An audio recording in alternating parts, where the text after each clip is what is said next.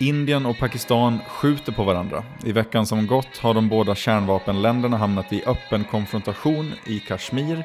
Indien har attackerat mål inne i Pakistan som i sin tur har skjutit ner och tillfångatagit en indisk pilot. Hur nära är länderna egentligen ett krig och vad är det som ligger bakom den här konflikten? Det ska vi prata om.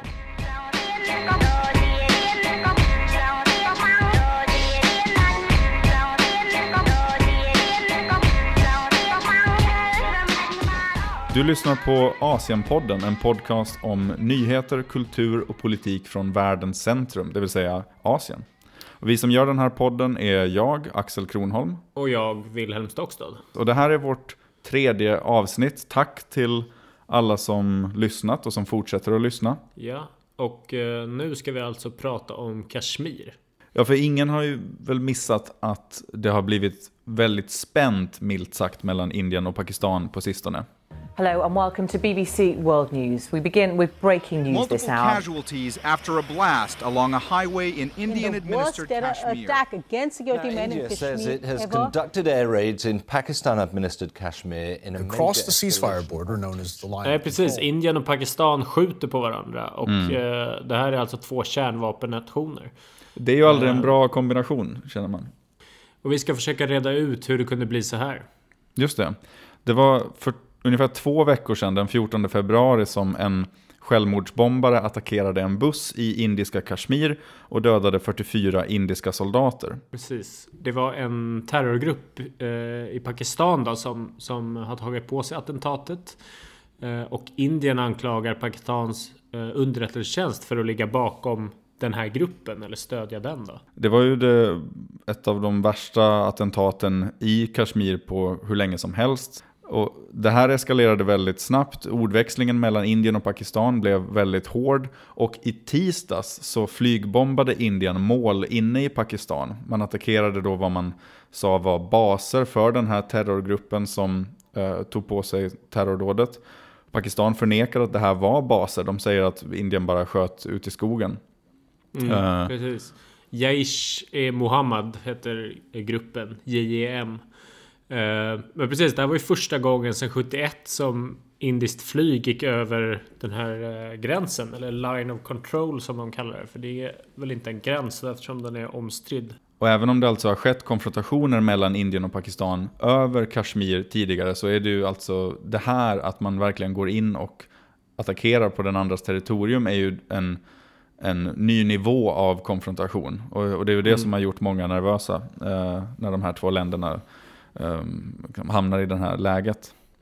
Ja men precis, hård ordvä- ordväxling har vi ju hört och sett eh, tidigare här. Och det har ju varit liksom attentat på, båda sidor av gränsen. Och det har varit eh, skottlossningar över gränsen och sådär. Men att sätta in eh, flygvapnet liksom in i ett annat land är ju en ganska stor, ett stort steg. Liksom. Mm. Och det märks ju också på hur medier i Indien och Pakistan rapporterar om det här. Jag såg ett inslag från Eh, en indisk tv-kanal som verkligen hade gått upp i den här krigsstämningen. alltså de hade ett nyhetsankare som iförd en militäruniform uh, stod och berättade om de här attackerna. Och han höll, han höll också i handen ett uh, leksaksvapen, eller vad, man, vad som såg ut som en, en vapenattrapp När han då stod där i tv-studion och berättade om att man hade gjort så kallade surgical strikes, alltså de här att, flygattackerna. Surgical attack తో భారత సరిహద్దు ప్రాంతంలో high alert కొనసాగుతోంది Punjab Gujarat border దగ్గర ఉన్న గ్రామ Ja, det där är ju ganska absurt. Eh, det, man får ju känslan av att det är lite Fox News nästan i Indien. Men, Ja, eh, det var en annan indisk tv-kanal som hade en stor rubrik där de pratade om fake-istan, alltså istället för Pakistan då, för att de menade att. Pakistan hade hittat på massa, massa saker och massa, ja, de ljög helt enkelt. Så det Mm. är väldigt uppskruvat tonläge och det här är ju, det är förstås, det är ju laddat eh, relationen Indien-Pakistan på båda sidor. Mm. Precis. Ehm, och den här, alltså det här äh, flyget som flög över, det sköts ju alltså ner. Av Pakistan. Just i det. Pakistan. Och det är ju liksom ytterligare ett steg. Liksom Indien går in och bombar, Pakistan skjuter ner ett av flygplanen och har faktiskt tillfångatagit piloten. Mm. Ja, han, Eh, de, hade ju, de la ut en det, det kom ut en video på Twitter när de hade på piloten som då var tillfångatagen. eh, Och där de, vad som verkar vara pakistansk militär, intervjuade honom då. eh, Och ställde frågor sådär, hur, vem är du och hur har du blivit behandlad? Och han verkade ju vara hyfsat eh, väl omhändertagen. ehm, Och sa ju det i alla fall, men det, det är klart, det går ju inte att veta om han, vilken press han är under att säga vissa saker. Han har ju kraschat med ett flygplan liksom. Det är ju... Till att börja med. Ja, men precis. Det, då, då är man ju inte på topp riktigt. Nej. Men... Just det, men nu har ju Pakistan eh, sagt att piloten ska släppas. Alltså det är idag torsdag när vi spelar in det här så, så har de sagt det som en eh, goodwill-gest mot Indien då. Ehm, För att försöka kyla ner det hela helt enkelt. ja men precis. Och det är ju... Kan vara smart move i det här läget. Det är nog smart. Jag menar det är väl lite så här, vad ska de med honom till? Och... ehm, ja. Det... Ja, men man vill ju inte framstå som att man håller någon som gisslan. Liksom. Nej, och båda sidor är ju liksom ganska måna om att ha liksom eh, proxys mellan sig för det mesta. Alltså Indien säger att de attackerar eh, jihadistmål.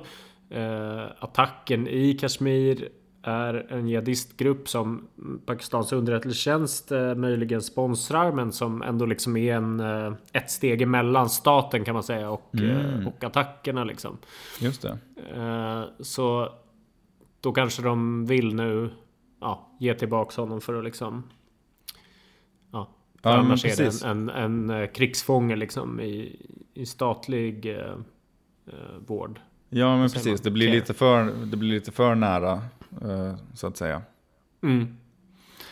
Eh, det- Men det är väl ungefär så långt det har kommit Mm. idag. Jag menar om inget mer hinner hända innan avsnittet släpps och eh, eller innan vi har klippt klart det så att säga. Eh, Men nu har i alla fall Pakistans premiärminister Imran Khan då sagt att han är redo att eh, tala med, med Indiens premiärminister Narendra Modi och försöka få någon slags överenskommelse i det här. Eh, och i ett uttalande så har eh, Pakistans premiärminister sagt att eh, så här med de vapen som ni har och med de vapen som vi har borde vi inte då tänka på vad det här leder till om det eskalerar ytterligare.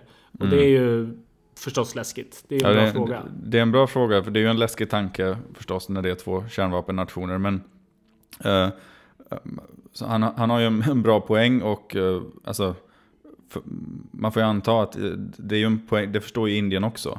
Eh, och förmodligen, det är ju ingen av de här länderna som vill att det ska gå så långt heller. Men det är ju lustigt att se hur världsmedia blir lite tagna på sängen när det här plötsligt blossar upp. Man hör ju inte så mycket om Kashmir annars i, i nyhetsbevakningarna. Eh, Men Nej, så det- när det... Det är väl som med många sådana här liksom väldigt utdragna, långa konflikter så är det liksom det krävs rätt mycket för att det ska plockas upp ju. Till exempel hotet om kärnvapenkrig. Så då, Ja, då dyker det upp på radarn, när det kan påverka oss så att säga. Ja. Eh, För det mesta av rapporteringen nu utgår ju från, från eh, den utspelar ju sig på det här politiska planet mellan Delhi och, och Islamabad. Men vad det här egentligen handlar om är ju situationen i Kashmir. Ja, precis. Eh, Den här självmordsattacken den 14 februari är väl ett tydligt tecken på det. Och vi ska återkomma till, till den attacken. Men först tänkte vi prata lite om bakgrunden eh, om Kashmir och hur vi liksom kunde hamna här ännu längre tillbaka i tiden. Så brittiska Indien fick självständighet 1947 eh, och eh, då delades då Indien och Pakistan. Kashmir hade ju rätt att förbli självständigt eller att ingå i Indien eller Pakistan. Eh, De hade en muslimsk majoritet men en hinduisk maharaja. Och innan folket hann bestämma sig hur de ville göra så invaderade Pakistan och den här maharajan tvingades i famnen på Indien. Eh, Och det blev krig mellan Pakistan och Indien. Som fick ett eldupphör 1949 då. Eh, Och då blev frontlinjen den här gränsen som vi har idag som de kallar eh, Line of Control. Just det. Den som jag har läst på att är 470 kilometer lång. Ja, precis. Den är ganska rejäl. Eh, sen finns det en resolution från FNs säkerhetsråd från 48 som säger att det ska hållas folkomröstning för att avgöra vart Kashmir ska höra till. Men det har ju inte hänt än. Nej, just det. Så, så det är ju liksom eh, den... Det är grundbulten i hur man skulle kunna lösa det här liksom. Men det är ju tydligen ingen som vill ta tag i. Nej. Och sen dess har vi ju sett flera sådana här eh, konfrontationer och en massa mindre brott mot det här eldupphöravtalet. Mm. Men så, och trots det så har ju den här uh, line of control, den här gränsen bestått ända sedan slutet av 40-talet. Så det är ju det som idag är någon slags uh, gräns Mm. i, i praktiken mellan det pakistansk kontrollerade Kashmir och det indisk kontrollerade Kashmir. Ja, precis. Um, och situationen där idag ju, är ju väldigt illa för de som bor i den här regionen. Um, alltså med tiden så har det uppstått militanta rörelser, delvis då stödda av Pakistan, som har börjat kämpa på, mo- mot vad de har sett som en indisk ockupation. Och in, Indien i sin tur har svarat med full kraft. Man har satt in, enligt vissa uppskattningar, över 700 000 soldater i Kashmir. Ehm, Jäklar. Det är ju inte jättestort område. Nej, det, det, det är väldigt mycket soldater på väldigt liten yta. Så det är, det är ett av de mest militariserade områdena i världen. Eh, och i mitten av det här så är civilbefolkningen fångad då mellan militanta islamister å ena sidan och indiska paramilitära styrkor på andra sidan. Och det är ju, ja, det är ju ingen, ingen bra plats att vara på helt enkelt. Nej, Ehm. det är inte det. det, Eh. Jag menar, det de här brotten som vi nämnde tidigare mot eldupphöravtalet är ju en sak. Men sen är det också de här militanta grupperna som begår liksom mord och terrordåd och kidnappningar. Eh, och även de indiska styrkorna är anklagade för tortyr och våldtäkter och massa försvinnanden och utomrättsliga avrättningar. Ja, framförallt de indiska styrkorna kanske som... eh, f- i- indiska Kashmir är ju underställt en särskild lag. Det, den kallas Armed Forces Special Powers Act från 1990 som Indien har instiftat för att bekämpa de här grupperna. Eh, och det, det. det finns en liknande lagstiftning i nordöstra Indien också. Mm. Som i praktiken innebär total straffrihet. Det är förbjudet enligt den här lagen att åtala någon från säkerhetsstyrkorna om inte Ja, regeringen ger tillstånd för att åtala dem. Mm. Ja, Eh, precis. Det är vilket- väl typ aldrig någon som har blivit åtalad efter den lagen liksom. Nej, det, det är ganska precis exakt noll personer som har åtalats eh, sedan den här lagen instiftades 1990. Mm. Eh, Så, så, det så, är liksom eh, polisen och militären liksom fritt fram och skjuta och ja, de använda dödligt våld liksom. ja, de, kan, de kan inte åtalas för någonting de gör om inte regeringen eh, i Delhi ger till, ger, säger att den, de ska åtalas. Nej, just det. Eh, Och det, det har historien lärt oss att de inte gör.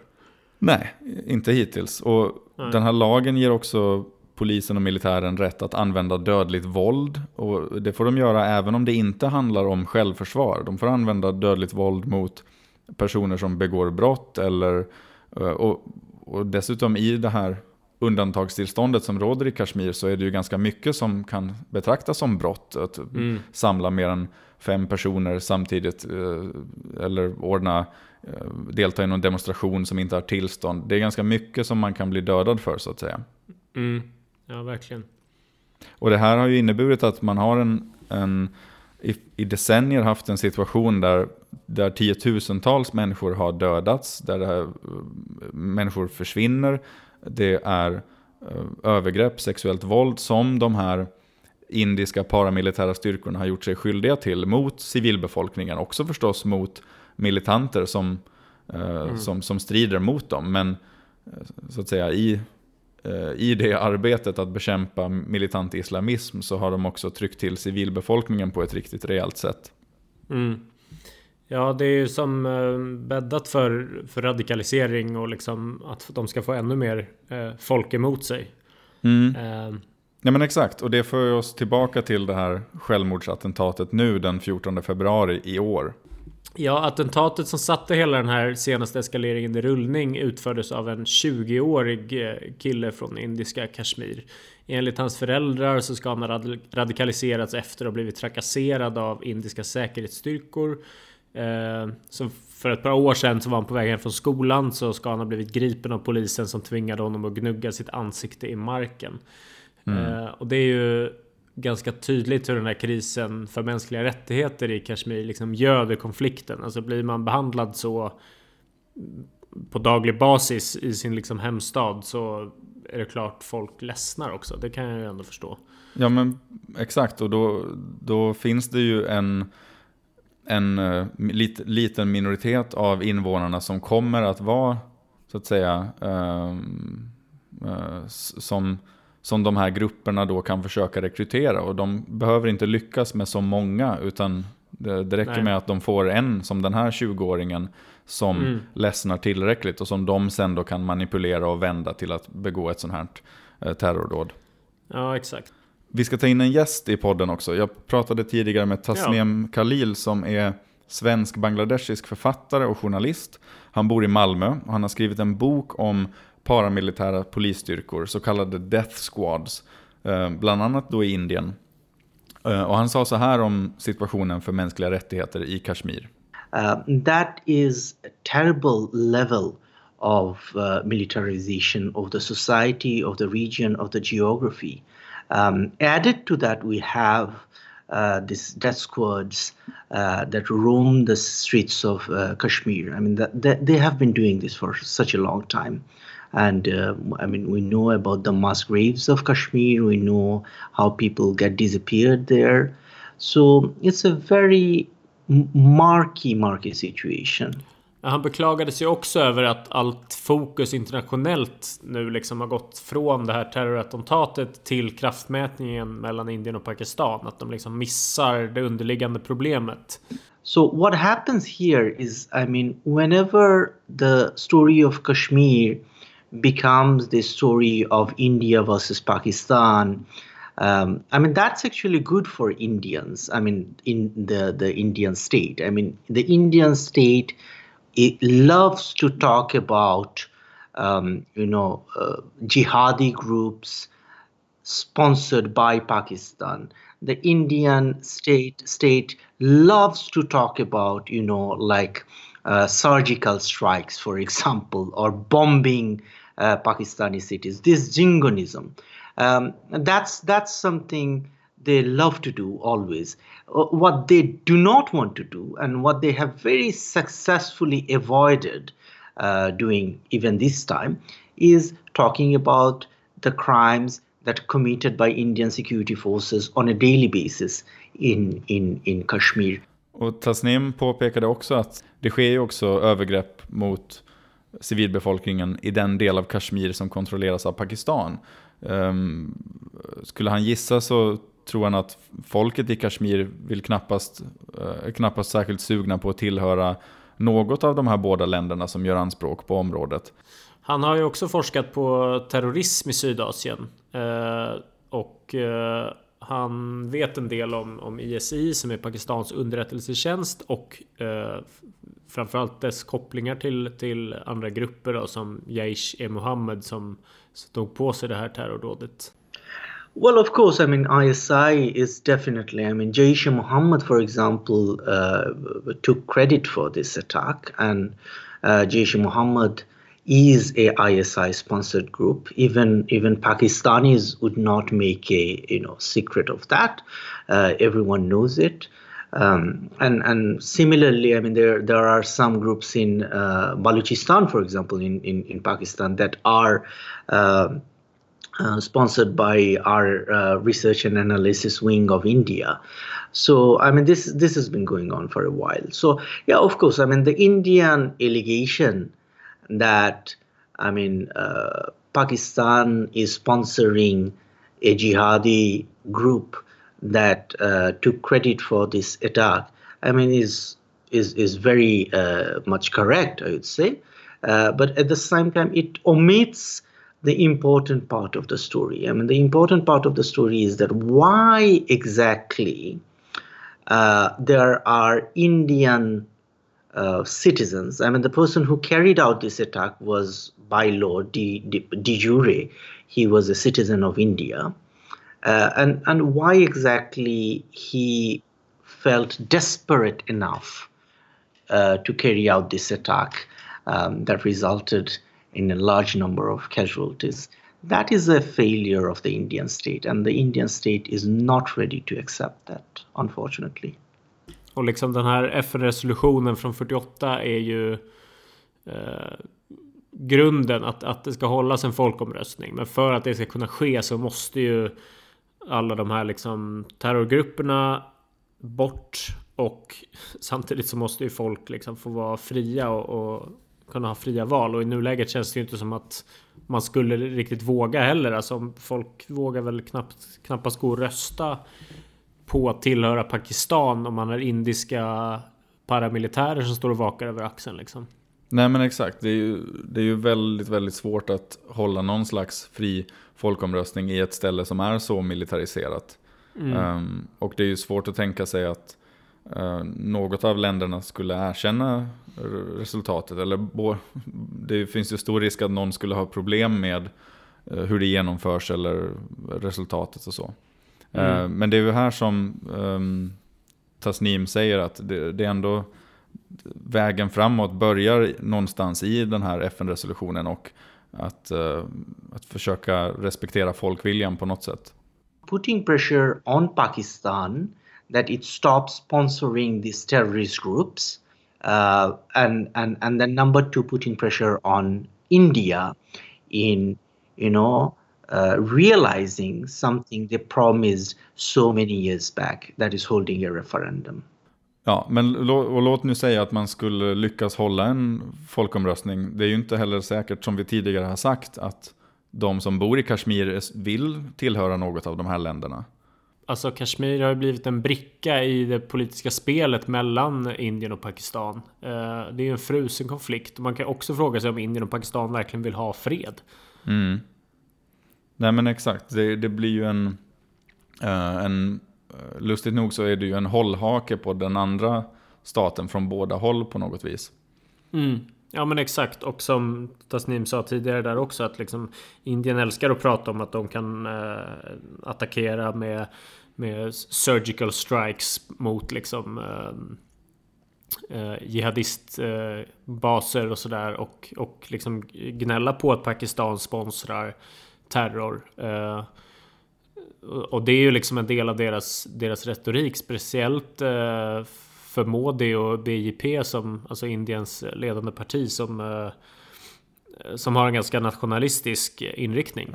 Ja, och, och, nu dessutom så händer ju det här, den här senaste konfrontationen sker ju när det är bara några få månader kvar till val i Indien. Det måste ju spela mm. roll, tänker man. Ja, verkligen. Det måste det verkligen göra. Eh, så det, det, det är svårt att veta om liksom sådär, att sätta in flygattacker så snabbt. Om det egentligen behövs eller om det är eh, politik helt enkelt. Att visa direkt att man är stark och svarar hårt för väljarna. Mm. Eh. Ja, just sunt förnuft är ju inte alltid att räkna med när det är valtider. Och, och det, just nu så lär ju Modi vara i en ganska svår situation där det å ena sidan är riskabelt att framstå som att man viker ner sig för Pakistan och låter dem... Mm. Eh, det, man ska komma ihåg att det är ju 44 indiska soldater som har eh, strukit med i den här eh, terrorattentatet. Ja, ehm, precis. Så det är något som kräver ett hårt svar. Mm. Å andra sidan så är det ju... Alltså det kan ju vara verkligen livsfarligt att eskalera det här ytterligare och fler, alltså ännu fler döda eller tillfångatagna indier Eh, skulle inte heller hjälpa i valet. Så det är ju liksom... Nej. Eh, skulle Pakistan skjuta ner alla plan som kommer in så skulle det inte heller se så bra ut. Nej, helt sant. Um, då har vi inte så mycket mer att säga om Kashmir i det här avsnittet. Uh, vi har nått uh, vår fulla Vägs tid. Ände. Vägs, vägs ände låter dramatiskt men... Ja, jo. men vi lär ju inte lyckas lösa konflikten uh, på de här 30 minuterna heller. Nej, det hade varit lite hybris att ha. Men ja. um, stort tack för att ni lyssnade på det här. Vi är tillbaka i ett nytt avsnitt om inte allt för länge. Precis. Um, um, under tiden så finns vi ju på sociala medier. På Facebook heter vi Asienpodden. Just det, gå gärna in där och, och kommentera eller uh, kom med, med förslag på teman som vi kan ta upp framöver. Precis. Och eh, på Instagram heter jag V Stockstad och du heter Axel Kronholm. A, A eh, Kronholm Nej, heter jag bara. A Kronholm heter du. Och har ni några frågor eller eh, förslag på ämnen som ni tycker vi ska ta upp så kan ni också mejla till asienpodden gmail.com. Um, om ni inte gillar att använda Facebook till exempel. Det finns massa sätt att kontakta oss. Exakt. Bra. Tack för oss då. Tack för att ni har lyssnat och på återhörande. Mm. Ha det bra. Ha det bra. Hej.